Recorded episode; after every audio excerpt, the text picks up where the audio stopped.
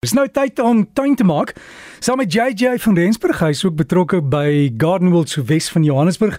En JJ, jy het vir my laat weet daar is 'n uh, herfskou daar. Is dit 'n groot hierdie jaar? Hoe gaan dit met jou? Lekker en jy direk. Ja nee, dit is 'n herfsfees by Oho. en dit van, begin natuurlik vandag en dit hou aan tot en met die 10de April. So dis nou die lekkerste tyd om eintlik die kwekery te besoek. Daar is soveel lekker praatjies om voor te bespreek plus ongelooflike blommerangskikkings. Nou twee gebeurtenisse wat ek vinnig wil noem is dat Hannen weer 'n spesiale dag aanbied en as jy nog nie jou Hannen roos gekry het nie, sal dit ook sommer nou 'n goeie tyd wees om dit te doen, te hoor waar die roos begin het en ook hoekom hy suksesvol so suksesvol verkoop en groei hierdie roos en dan natuurlik vir almal wat organies groentetuin maak. Nou is ook 'n guldige geleentheid om weer meer te leer saam met Jane Griffiths. Nou Jane Griffiths het al verskeie boeke geskryf oor organiese tuinmaak, organiese kook, hoe mense doen. Gaan loer net bietjie op die Gardenwell se Facebookblad vir besonderhede en ook hoe om te bespreek. Ja, JJ, jy klink so bietjie ver vir my vandag. Kan jy miskien net nader aan jou mikrofoon kom dan dan sal dit beter gaan. Maar ehm um, Die groot ding met skoue, ek sê altyd wanneer jy 'n tuinskou maak, nie saak waar dit is in die wêreld nie, besoek is om te gaps met die oë, want jy sien jy gaan nou nie die hele tuin daar by jou tuin skep nie, maar jy kan 'n klein hoekie, sê daai hoekie werk vir jou. Jy kan dit huis toe vat en jy kan dit vir jouself gaan maak. Dis hy, dis net soos jy daar sê, weet jy, en dit is vry, dit is gratis om te gaps met die oog. Jy weet, mense ja. is altyd bang om bang te gaps of mense moenie gaps nie, maar hierdie keer met die oog kan mense definitief doen. En dit is eintlik lekker want daar kan mense in die skoutuine rond beweeg en jy kan eintlik fisies gaan sê, hoorie, hierdie gaan in my hoekie werk. Stap deur die tuin en probeer om dit uh, van alle kante af te uh, om te ondervind, jy weet, om die hele gevoel te ondervind om te weet hoe die tuin aan die binnekant gaan lyk, hoe die plante gaan groei. Uh en natuurlik as jy dit in jou tuin sou sit, wat se gevoel jy in jou eie tuin sou skep. So dit is wat dit so lekker maak, die feit dat 'n mens wel binne in die tuine kan inbeweeg, jy weet. Nie almal gaan jou sommer net toelaat om in hulle tuine in te loop en te kyk hoe dit is as 'n mens die tuin van binne af um bekyk nie, maar in hierdie geval is dit wel uh jy, jy word wel toegelaat om dit te doen en natuurlik is dit so lekker om dit eintlik eintlik te te te beleef. Maar JJ, jy het 'n lys van take wat ons nou in die tuin moet aanpak. Dit is herfs. Nou ja, Derek. Dis daai tyd van die jaar wat ons die geleentheid het om winterbolle aan te skaf en te plant. So vandag praat ek net bolle, bolle, bolle. Baie mense vra hoekom plant ons nou winterbolle en nie in die winter nie? Maar die antwoord is eintlik heel eenvoudig. Ons plant dit nou want dan blom hulle aan die einde van die winter wat ek van bolle oor die algemeen hou is dat jy verseker is van sukses met baie min moeite. So dit wat jy op die pakkie sien, die foto wat jy daar kry, is hoe die bolle in jou tuin gaan lyk. So mense kan hulle plant selfs al het jy nie groen vingers nie, gaan jy nog steeds sukses hê met jou bolle. Mense kan bolle in die tuin plant of in potte plant of jy kan dit ook hidroponies kweek. Nou in die tuin is dit waar meeste mense sou plant en hier is dit belangrik om 'n area te kies wat spikkelson of oggendson kry. Volson is oor die algemeen net te warm vir die meeste winterbolle. Tensy jy in 'n baie koue area bly, dan kan jy maar vir my volson gee. Maar oor die algemeen meeste gedeeltes van die Hoëveld en so aan plant mense dit maar in daai halfson of spikkelson. Drenering is hier baie belangrik. So as jy kleigrond het, sal ek eerder in potte plant of ek sal dit eerder aanbeveel om in potte te plant. Uh, om jou grond lekker los te kry en dreinering te verbeter, kan jy natuurlik kompos, riviersand, wurmiekelit of groen grondpuntjie doppe inwerk. Nou met potte is dit baie makliker, maak seker jou pot het goeie dreineringsgate. Sit 'n lappie in om die gat of die gate oop te hou en vul die pot op met gewone potgrond. Die voordeel natuurlik met potte is dat 'n mens potte kan rondskuif soos dit nodig is om hulle genoeg lig te gee en die potte self koel te hou dat die bolle nie warm word en vinnig uitdroog nie. Dit is baie belangrik. Jou bolle kan redelik baie lig en son hanteer, maar sodra die grond in die potte warm word, uh gaan hulle eintlik vinnig afgaan. So probeer eerder om jou potte koel te hou, maar nog steeds lekker baie lig aan die bolle self te gee.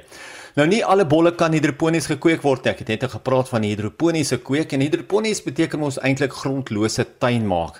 Nou hierdie tyd van die jaar kyk jy as jy wil jou bolle hidroponies kweek, kyk jy na jou narsings, jou muscari, muscari se Afrikaanse naam is natuurlik 'n dryfjasint, jou sprekelia wat weer in Afrikaans 'n Jakobslelie is en geurende hyasinte.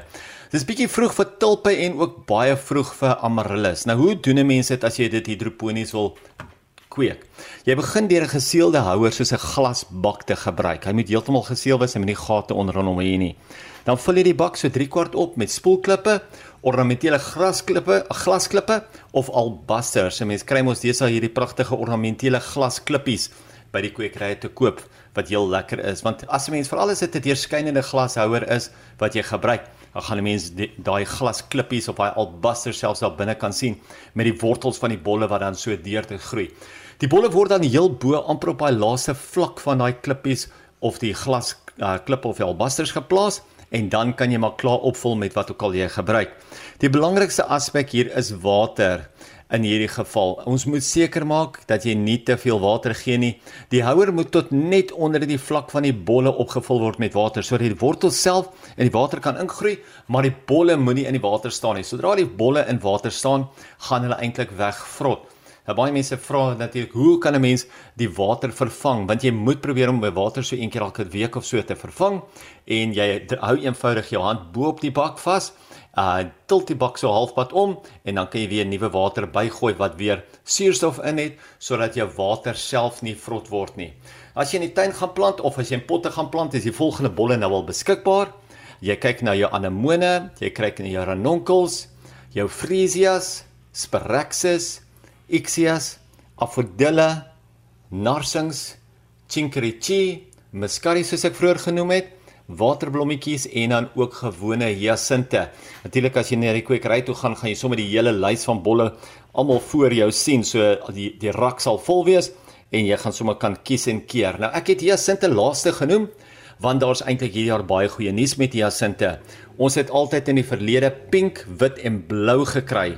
En laaste paar jaar was daar net blou en wit gewees, maar die goeie nuus is dat daar hierdie jaar nie net wit en blou op die rakke is nie, maar 'n ligte pink, 'n donker pink, sowel ook as 'n appelkoos. Kan jy dink hoe pragtig dit moet wees as mens kyk na hyacinte? Paar ekstra wenke om net so ver moontlik uh om om die beste uit jou bolle uit te kry, is om so ver moontlik in massa te plant. Onthou, jy hoe meer mense dit in massas kan plant as jy 'n groot bedding het of 'n groot tuin het, probeer net al jou bolle bolle bymekaar te plant. Moenie dit uitspasieer oor die hele tuin nie dan gaan die mense regtig nie daai impak kry nie. Probeer eerder om hulle lekker bymekaar te plant. Die hoogte is ook natuurlik deeglik te bestudeer te bestudeer om die groter groeiende bolle agter te plant en die kleineres vorentoe. Daar is ook 'n spesiale bolvoedsel beskikbaar vir die beste resultate. So as jy 'n bolle gaan plant, kry sommer die regte bolvoedsel. Dan weet jy jy gaan die beste uit jou bolle uitkry. Gaan kry vir jou 'n paar bolle en plant hulle hierdie jaar. Hulle gaan ongelooflik mooi lyk in jou tuin. Ons plant van die week vir hierdie week voor ek ek hoor jy's daar so klaar ja, weg om amper die nuus te lees. ja, jy ek het net gesê oor die oor die bolle. Jy moet onthou as jy bolle koop, baie mense koop dit ten duurste, los dit in die kar op die sitplek terwyl hulle gou by die supermark in hardloop. Bolle, die blommetjie as hy sonlig kry voor hy geplant is, gaan hy nie blom nie. So moet dit nie doen nie. Hou hulle koel, cool, steek hulle weg onder iets donker en dan sal hulle groei. Weet jy Dirk is baie waar wat jy daar sê en al gaan jy nou al uit na jou kwekery toe, jy gaan kry slank jou jou verskeidenheid en jy hou dit ergens in 'n donker kas vir 'n volgende week, 2, 3 weke voordat jy dit plant, is dit ook nie 'n probleem nie. Want 'n mens wil eintlik hê die grond moet nog bietjie afkoel voordat jy dit eintlik in die grond kry. Maar 'n mens wil ook nie te laat wag nie, want dan gaan al die verskillende variëteite al klaar half uitverkoop wees. So, gaan vroeg kwekery toe, maar dan hou jy dit sommer. Ek sê altyd vir mense die beste plek om dit eintlik te hou is binne 'n groenterakkie, want hy bly lekker donker en hy's koel. Cool is gewoonlik die beste plek om jou bolle te hou totdat jy dit plant. Maar as plant van die week vir hierdie week is die geharde Abelia lemon and lime. Nou Abelia lemon and lime is jou blinkblaar Abelia.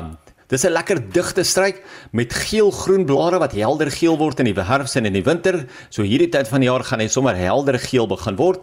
Hy kan in die volson of in halfson geplant word. Hy's baie vinnig groeiend en soos ek genoem het, is hy ook baie baie gehard. Hy kan selfs erge ryp hanteer. Hy het nie 'n baie groot wortelstelsel nie.